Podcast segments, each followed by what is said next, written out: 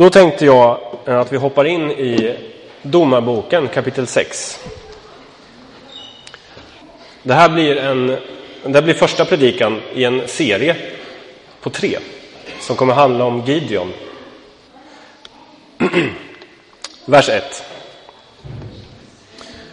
Israels barn gjorde det som var ont i Herrens ögon och han gav dem i midjaniternas hand i sju år. Midjaniternas hand blev Israel så övermäktig att Israels barn på grund av midjaniterna gjorde sig hålor som nu finns i bergen och grottor och bergfästen. Så ofta israeliterna hade sått drog midjaniterna, amalekiterna och österlänningarna upp mot dem. De slog läger emot dem, överföll dem och fördärvade landets gröda ända fram till Gaza. De lämnade inget kvar att leva av i Israel, varken får, oxar eller åsnor. Ty de drog dit upp med sin boskap och sina tält, talrika som gräshoppor. De själva och deras kameler var omöjliga att räkna. Och de kom in i landet för att fördärva det. Så blev Israel utarmat genom midjaniterna, och Israels barn ropade till Herren. Om vi börjar med att lägga en bakgrund här. Domarboken går igenom en cykel, kan man säga, återupprepning det börjar med att Israel har det bra, det är fred, eh, de är rika, de har det gott. När det är på det sättet, då börjar de tillbe andra gudar helt plötsligt. När de blir bekväma så faller de bort från Gud. Eh, och det gör att de får problem med krig och med skörd och sådär. Liksom. Och när, de är, när det är som värst, då vänder de sig till Gud och Gud ger dem ett bönesvar i och med en domare Därav namnet Domarboken. Och den här domaren räddar Israel så att de får eh, bli befriade från sitt förtryck och återigen blir välsignade av Gud, lever i fred, har det bra. Och så börjar det om igen. och så går det runt så här på ett antal domare. Liksom. Ungefär så, eh, där befinner vi oss just nu. Eh, midjaniterna, de, det var alltså, Midjan, det är en person som, det är alltså Abrahams barn. Det är ett av Abrahams barn. Detta. Han eh, blev eh, fader till ett folk som kallas midjaniterna. Och, eh, så det är mer eller mindre ett brodersfolk till Israel. det här. Man vet inte exakt vart de, eh, deras land låg, men i öknen någonstans. Vi vet också att eh, Mose, när han bodde 40 år i öknen, då var det i Midjan han bodde. Och han gifte sig med eh, den midjanitiske prästen Jetros dotter.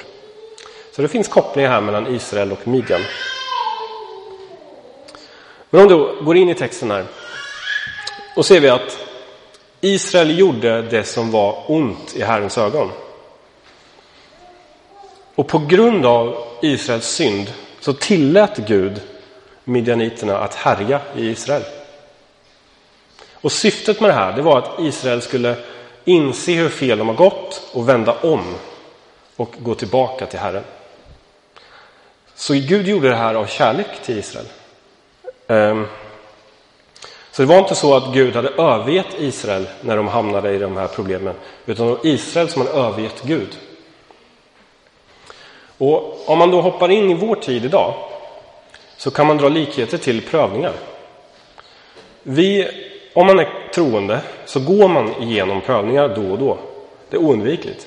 Lever man ett liv med Gud så hamnar man då och då i prövningar. Alltså, Gud uppenbarar för oss att vi kanske lever i synd, kanske lever i någonting som vi inte har brottats med än, som vi behöver reda ut, eh, som vi behöver göra oss av med, som Gud tycker är fel. Och då kan faktiskt Gud tillåta att vi går igenom prövningar.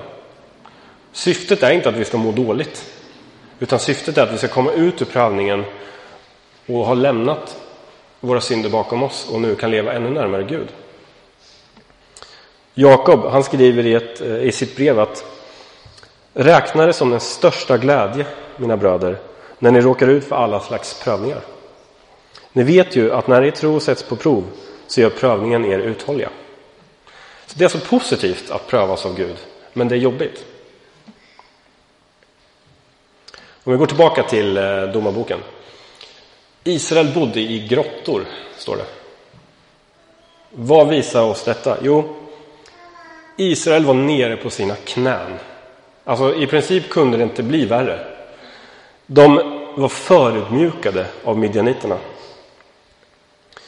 Och jag tror att när man, om man lever i synd som Israels folk gjorde så är det svårt att eh, ödmjuka sig självmant. Ibland kanske man tvingas ner på knä. Man kanske måste inse hur illa ställt det är. Liksom.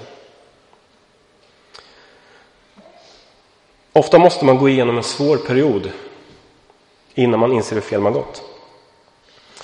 Och jag tror att det bästa är ju om man lever ett ödmjukt liv redan från början och inser att, alltså när man börjar inse att man lever fel, att man direkt ödmjukar sig och, och säger okej, okay, jag gjorde fel. Liksom.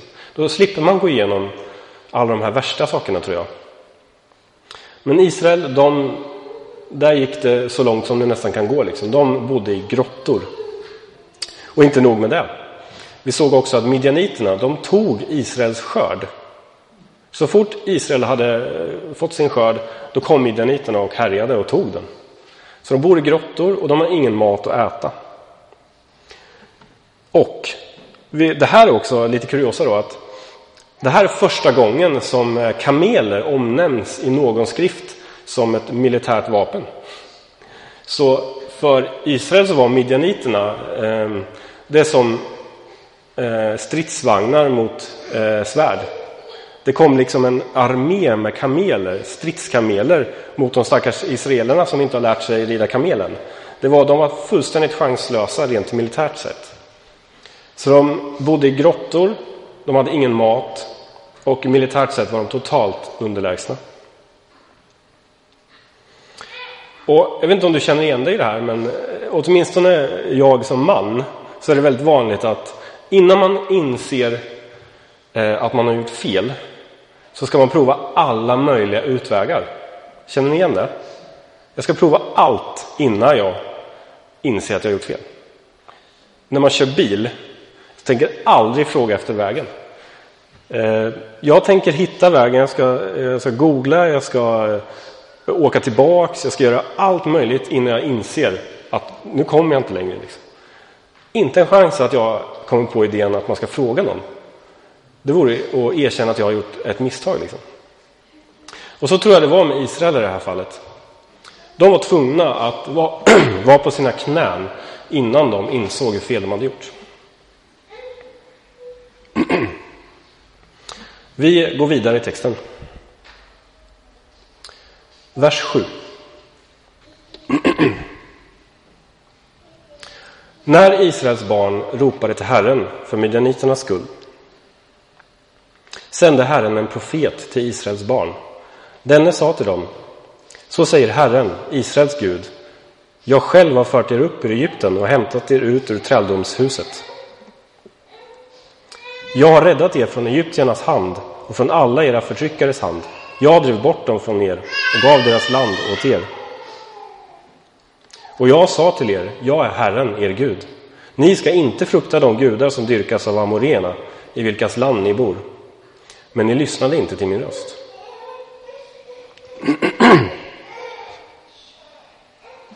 Innan Gud skulle sända en befriare till Israel så sände han en profet som berättade för Israels folk vad Gud tidigare hade gjort. Känner ni igen det här mönstret? Någon som kommer innan räddaren för att berätta vad Gud tidigare gjort och för att förbereda för räddaren. Det här är Johannes döparen, eller hur? En sån här eh, profettjänst. Innan man kan vara beredd till omvändelse så måste man kanske inse sin synd. Man måste inse att du har gått fel. Du behöver bli påmind om vem Gud är och att, vad han har gjort tidigare. Man behöver kanske få tid till att tänka igenom sina misstag innan man är beredd att gå vidare. Och Gud, han sänder en profet som påminner han påminner Israel om Egypten. Gud hade räddat Israel från egyptierna. Och på samma sätt så ska vi bli påminda om, inte Egypten, utan korset. Det som är vår befrielse. När vi lever i synd, när vi har gått fel, då kanske det kommer någon till dig och säger, kommer du ihåg vad Jesus har gjort för dig? Han tog alla dina synder på korset. Det som du lever i nu, det har Jesus dött för att du ska inte behöva leva i.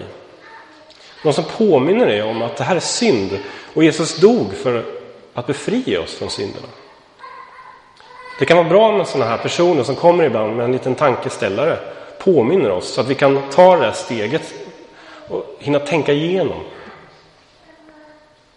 Och så säger Gud, ni lyssnade inte till min röst. Israels problem var inte midjaniterna. Man kan tro det till en början, eller hur? Men så var det inte. Israels problem var att de inte lyssnade på Gud. Och här kan man fundera på i vår egen situation. Våra problem som vi lever i. Vad beror de på? Beror de på alla yttre omständigheter eller beror de på att vi kanske själva har gått fel? Det är något att tänka på. Ska jag gå vidare i texten?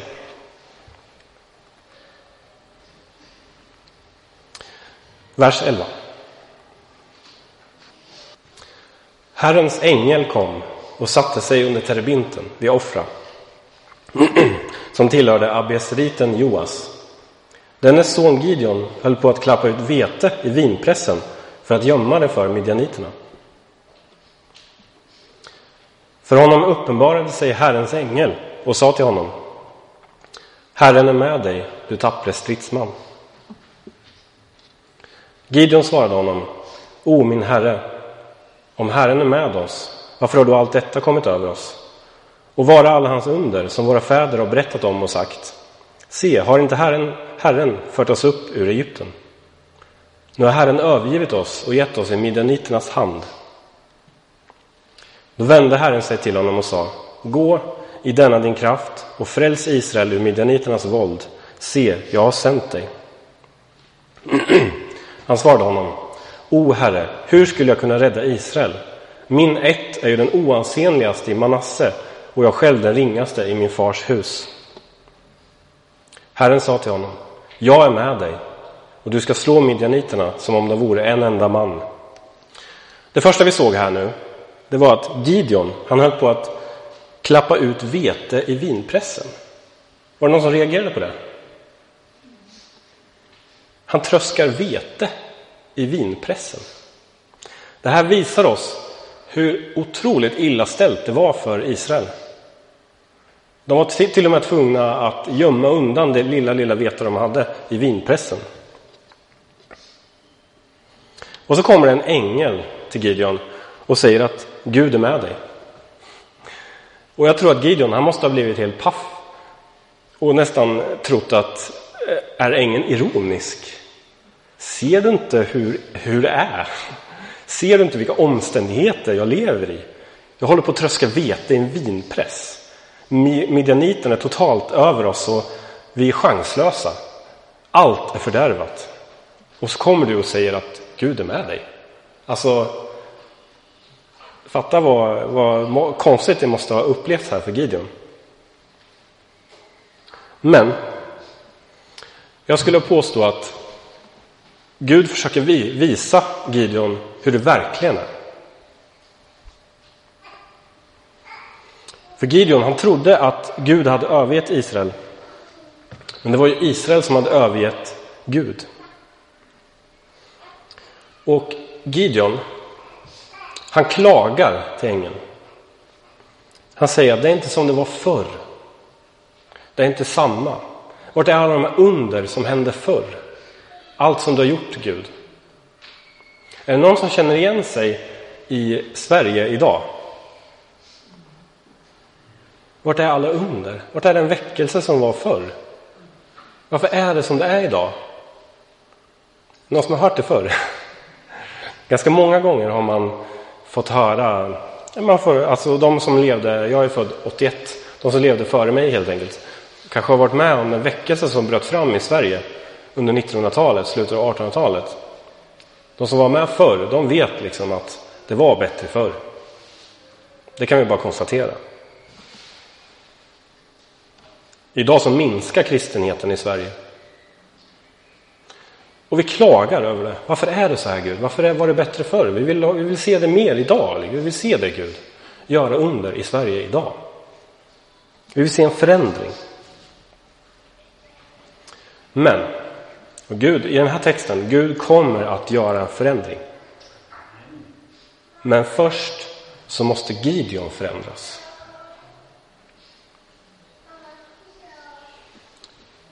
Nästa söndag så kommer jag visa saker som Gideon behövde göra upp med. Hur han brutalt behövde eh, gå till botten och förstöras, eh, förstöra den synd han hållit på med. Men innan vi är redo för en förändring i Sverige idag så kanske vi själva måste förändras. Vi kanske måste ta itu med saker som vi själva har gjort fel. Kanske behöver ta de här stegen och gå vidare. Låt den här texten få bli en sån här tankeställare. Vart står du någonstans? Liksom? Vad behöver du kanske göra upp med? Vad behöver vi som församling göra upp med? Och så säger ängeln till Gideon Gå i denna din kraft. Och så kan man till en början eh, titta på Gideon och så tänker man han var fattig, han var oansenlig säger han, han var den minsta i sin ett. Vad har han för kraft? Vad är det den här ängeln påpekar? När vi tänker oss en mäktig ledare så tänker vi en karismatisk person som är duktig på allt, som är snygg, som är bra på att tala, som kan spela gitarr, eh, som är kändis. Det finns en massa regler för vad en, vi tänker oss som en, en stor ledare. Vad hade Gideon av detta? Ingenting. Liksom. Och ändå säger han, gå i denna din kraft. Det Gideon hade, det var att han hade blivit ödmjuk av sitt fattiga arbete. Ursäkta. Han hade blivit ödmjuk av sitt fattiga arbete. Han brydde sig. Vad hade han mer? Jo, han hade kunskap om vad Gud tidigare hade gjort. Han visste, han kunde sin bibel. Han visste att Gud hade gjort många under tidigare. Han var andligt hungrig. Han ville se mer av Gud. Och han lyssnade på Gud. De här fem sakerna hade Gideon. Och det var det eh, den här ängeln sa. Gå i denna din kraft. Detta kan Gud använda. Oavsett hur liten och oansenlig du är, så har du de grejerna. Då kan Gud använda dig. Och Gideon hade ju rätt egentligen. Vem är jag att rädda Israel? Nej, det är sant. Du är inte mycket. Men Gud är med dig. Och när Gud är med, då spelar det ingen roll hur små vi är, hur svaga vi är. Det spelar ingen roll hur mäktiga våra fiender är. För Gud kommer segra.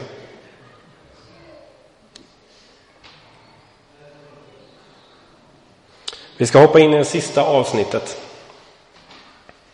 Från vers 17.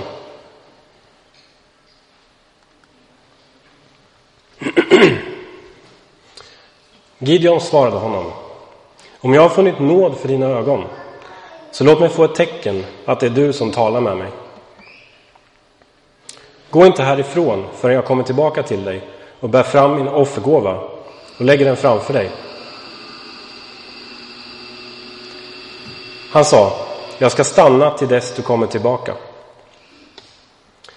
Och Gideon gick in och redde till en killing, likaså osyrat bröd av en efa mjöl. Därefter la han köttet i en korg och hällde spadet i en kruka. Sen bar han ut det till honom under terebinten och satte fram det. Då sa Guds ängel till honom, Ta köttet och det osyrade brödet och lägg det på berghällen där och häll spadet över det. Han gjorde så. Herrens ängel räckte då ut staven som han hade i handen och rörde med spetsen vid köttet och det osyrade brödet. Då slog eld ut ur klippan och förtärde köttet och det osyrade brödet. Och Herrens ängel försvann ur hans åsyn. När Gideon såg att det var Herrens ängel sa Gideon, Ve mig, Herre, Herre, jag har sett Herrens ängel ansikte mot ansikte. Men Herren sa till honom, frid vare med dig. Frukta inte, du ska inte dö. Då byggde Gideon ett altare där åt Herren och kallade det Herren är frid. Det finns kvar än idag i det abiesritiska Ofra. Till en början, när man läser den här texten, så kan man få för sig att Gideon hade en väldigt svag tro som begär tecken från Gud. Han har ju precis fått ett uppdrag, varför ska han nu ha en bekräftelse på det? Liksom? Men jag skulle vilja lyfta fram att Gud kallade faktiskt Gideon till ett livsfarligt uppdrag. Han skulle ut i krig. Han skulle leda Israels folk mot midjaniterna i krig. Ja, han var en vanlig enkel människa. Jag kan förstå att Gideon ville ha någon form av bekräftelse på det. Jag tycker det är helt okej. Okay. Sen ni som känner berättelsen om Gideon vet att han kommer be om en väldig massa mer tecken med ull. Det kommer vi till så småningom. Jag tycker det är okej att man på det här sättet ber Gud om någon slags bekräftelse. Liksom. Blir du kallad av Gud till att gå ut och göra något väldigt stort och viktigt, då är det ganska skönt att man får det bekräftat från någon. Att man läser i Bibeln att det här stämmer med Guds ord, eller att du pratar med någon andlig förebild och, och som, kan bekräfta för att ja, men det här, det här är rätt, det här känns bra, det, det är bibliskt och det är sunt och det, det är välsignat av Gud helt enkelt. Och Gud ger faktiskt Gideon ett mirakel så han går ju med på att det här var okej. Okay, liksom. Han bekräftar. Så det Gideon fick, han fick ett möte med Gud. Han fick Guds ord. Och han fick nu ett Guds mirakel. Så nu kan han känna sig trygg och nu är han redo. Eh, och avslutningsvis. Då byggde Gideon ett altare som han kallade Herren är frid. Det här tycker jag är fint. Som ett gensvar på att vi får ett möte med Gud så tillber vi Gud. Eller hur? Det är det Gideon gör här. Han får möta Gud och därför så tillber han Gud han får möta den frid. Han kallar ju det här altaret för Herren är frid. Han måste ju ha fått den känslan då att Herren är frid. Det tycker jag är en fin respons som vi kan härma och ta efter.